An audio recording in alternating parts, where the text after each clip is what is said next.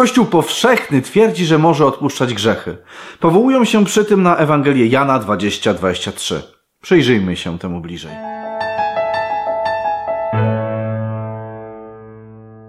Spowiedź przed kapłanem jest dla wielu bardzo niezręczna. Ludzie, którzy nie przeżyli prawdziwego nawrócenia, w ten sposób jakby uciszają swoje sumienie. Zrobili coś złego, kapłan ogłosił, że zostało im to wybaczone i teraz mają jedynie zmówić parę zdrowasiek i po sprawie. W tym momencie wierny odklepie parę wierszyków i sprawa jest zamknięta. Sumienie zostaje uciszone, a głos Ducha Świętego od tej pory jest odrzucany, bo przecież byłem u spowiedzi i zmówiłem parę zdrowasiek. Prawdziwego nawrócenia przy tym nie ma. Bo dlaczego ktoś miałby w ogóle zmienić swój charakter podczas czegoś takiego? Nagrzeszył i zapłacił tymi zdrowaśkami za swój grzech, więc biznes został zakończony. I e, w mniemaniu takiego chrześcijanina obie strony w tym handlu są zadowolone, więc biznes się udał. On sobie zgrzeszył i ma coś z tego, a Bóg dostał jego paciorki. Ja wiem, że to brzmi komicznie, ale taki jest mniej więcej mechanizm w umyśle wielu katolików. Nie wszyscy sobie zdają z tego sprawę. E, często takie myślenie jest podświadome, ale tak mniej więcej się to odbywa.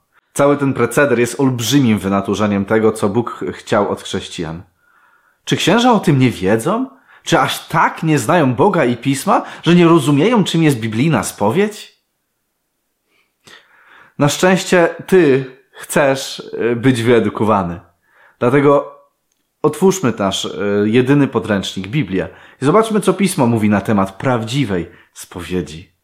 Kto ukrywa swe grzechy, nie będzie miał szczęścia, ale kto je wyznaje i porzuca, dostąpi miłosierdzia. Tak, będę cytować również ze Starego Testamentu, ponieważ uważam, że Ewangelia zawsze była taka sama. Uważam, że Bóg się nie zmienia. Łaska i wybaczenie w Jezusie w Starym Testamencie były przedstawione w symbolach świątynnych.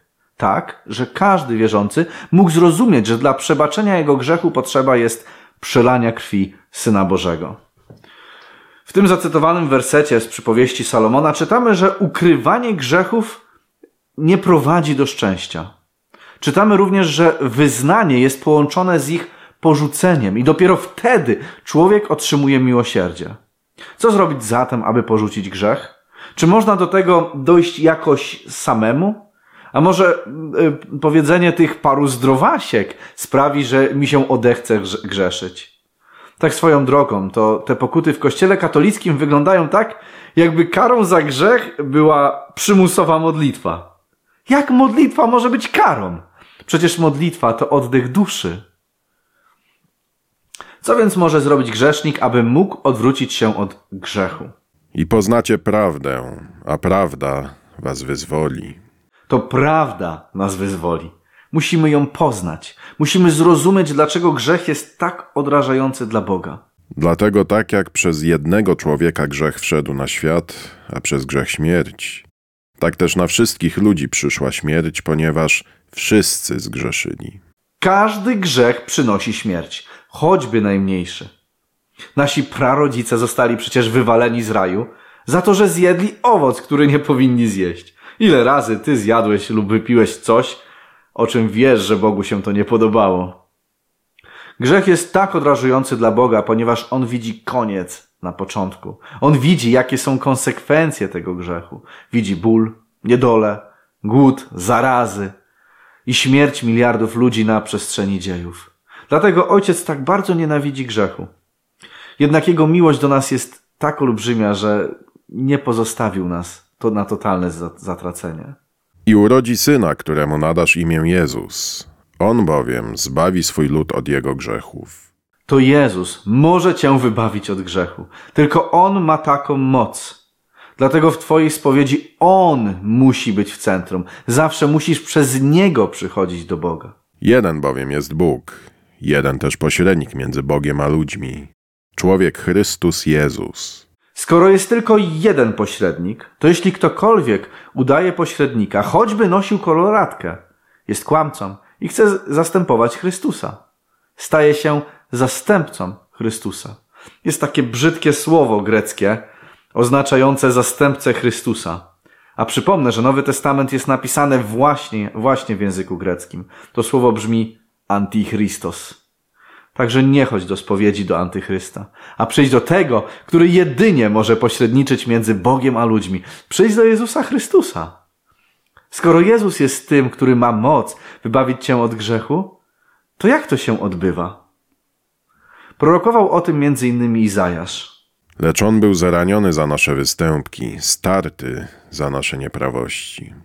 Kara dla naszego pokoju była na nim, a jego ranami zostaliśmy uzdrowieni. Podobną myśl przedstawia Paweł. On bowiem tego, który nie znał grzechu, za nas grzechem uczynił, abyśmy w nim stali się sprawiedliwością Bożą. Jezus stał się za nas grzechem. Nasz grzech został na niego złożony. Na tym polega prawdziwa spowiedź, że człowiek przychodzi do Jezusa i prosi go o to, aby jego grzech był położony na bezgrzesznym Synu Bożym. W tym momencie zaczynasz rozumieć, że to, co zrobiłeś, spowodowało śmierć Jezusa. A mimo to musisz przełożyć twój grzech na niego. Tak jakby to on zrobił tę obrzydliwość, którą ty zrobiłeś. Jest to bardzo, bardzo gorzkie doświadczenie. Jednak gdy zobaczysz krew spływającą z poranionego koroną cierniową czoła, to zrozumiesz, jak bardzo odrażający jest grzech. Zrozumiesz też, jak wielka jest miłość Boga do ciebie. Przyjdźcie do mnie wszyscy, którzy jesteście spracowani i obciążeni, a ja wam dam odpoczynek. Wszystko, co mi daje Ojciec, przyjdzie do mnie, a tego, który przyjdzie do mnie, nie wyrzucę precz. Proces spowiedzi jest bardzo gorzkim doświadczeniem. Przełożenie swoich grzechów jest bolesnym procesem, ale jest w nim też wiele radości. Człowiek zostaje uwolniony, prawdziwie uwolniony od grzechu, darmo. W tym momencie Jezus nakłada na ciebie jakby szatę swojej sprawiedliwości. Charakter Jezusa zostaje ci przypisany. Jesteś teraz w oczach nieba święty. I dzieje się tak, jak to miało miejsce w przypadku kobiety przyłapanej na cudzołóstwie. A Jezus powiedział do niej: I ja ciebie nie potępiam. Idź i już więcej nie grzesz. Tylko doświadczenie krzyża może sprawić, że odwrócisz się od grzechu. Tylko poznanie konsekwencji grzechu, czyli zobaczenie Jezusa, który umiera w odłączeniu od Ojca, pohańbiony i bez żadnego wsparcia, od nikogo. Tylko to spowoduje, że poznasz, jak zły jest grzech. Za każdym razem, gdy przyjdzie ci chęć zgrzeszenia, możesz sobie wyobrazić, że jakby wbijasz kolejny gwóźdź do ręki Jezusa. Bo dokładnie to jest to, co robisz. Biblia również często wspomina o tym, abyśmy wyznawali sobie nawzajem swoje upadki. To znaczy, gdy zgrzeszyłeś przeciwko komuś, to przyjdź do niego i poproś go o wybaczenie. Absurdem byłoby, gdybym na przykład obraził Ziutka, a przyszedł do Felka, aby prosić o wybaczenie. Tylko dlatego, że Felek nosi koloratkę. Mam iść do Ziutka i prosić Ziutka o wybaczenie. Dodatkowo powinienem w modlitwie prosić jego stwórcę o przebaczenie mojej winy, ponieważ ten nasz przykładowy Ziutek należy do Boga. Dodatkowo w Biblii czytamy jeszcze takie słowa. Wyznawajcie sobie nawzajem upadki i módlcie się jedni za drugich, abyście byli uzdrowieni. Wiele może usilna modlitwa sprawiedliwego. Mamy prosić się nawzajem o wybaczenie naszych win. Zgrzeszyłeś przeciwko komuś, idź i proś go o wybaczenie. Dodatkowo, bardzo ważne jest, abyśmy mieli społeczność wierzących.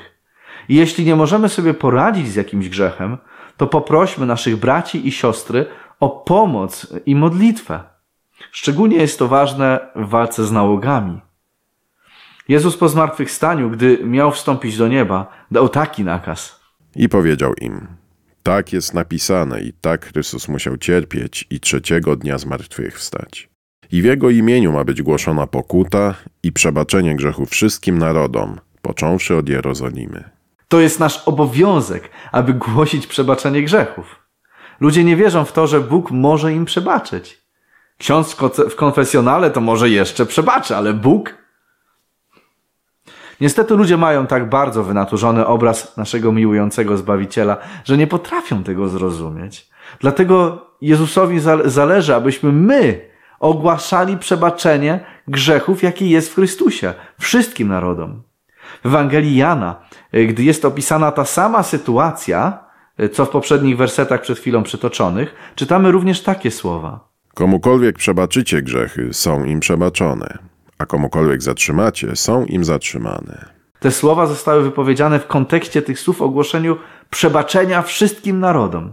Tutaj jest użyta ciekawa konstrukcja gramatyczna, to znaczy, jakby dosłownie to przełożyć, e, to jest tutaj napisane: komukolwiek przebaczycie grzechy, są i już były im przebaczone, a komukolwiek zatrzymacie, są i już były im zatrzymane. Czyli jest to w zgodzie z tym poprzednim zaleceniem, które Jezus wypowiedział w tym pokoju, gdzie się pojawił uczniom. Abyśmy głosili przebaczenie wszystkim narodom. Naszym obowiązkiem jest głosić, że ich grzechy ludzi skruszonych są im wybaczone. Zbawienie dokonało się na krzyżu. Naszym obowiązkiem jest również wybaczyć tym, którzy zawinili przeciwko nam. W Biblii nigdzie nie czytamy na temat spowiedzi usznej, która weszła do odłamu chrześcijańskiego zwanego katolicyzmem wiele wieków później. Kiedyś Michał nagrał bardzo dobry materiał na ten temat o nazwie Skąd się wzięła spowiedź na ucho. Link umieszczę w opisie. Także nie znajdziemy w Biblii czegoś takiego jak spowiedź na ucho, y, jak sakrament spowiedzi, czy jak zadawana pokuta przez kapłana, bo pokuta oznacza odwrócenie się od grzechów, a nie zdrowaśki. Trzymajmy się zatem pisma, ale całego pisma, a nie paru fragmentów wyrwanych z kontekstu.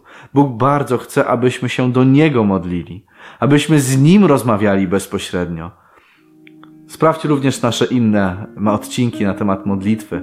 E, linki umieszczę w opisie. To były cienie przyszłości. Daj łapkę w górę, subskrybuj. Śledź nas również na Library, BitShoot, Telegramie i Facebooku. Cześć!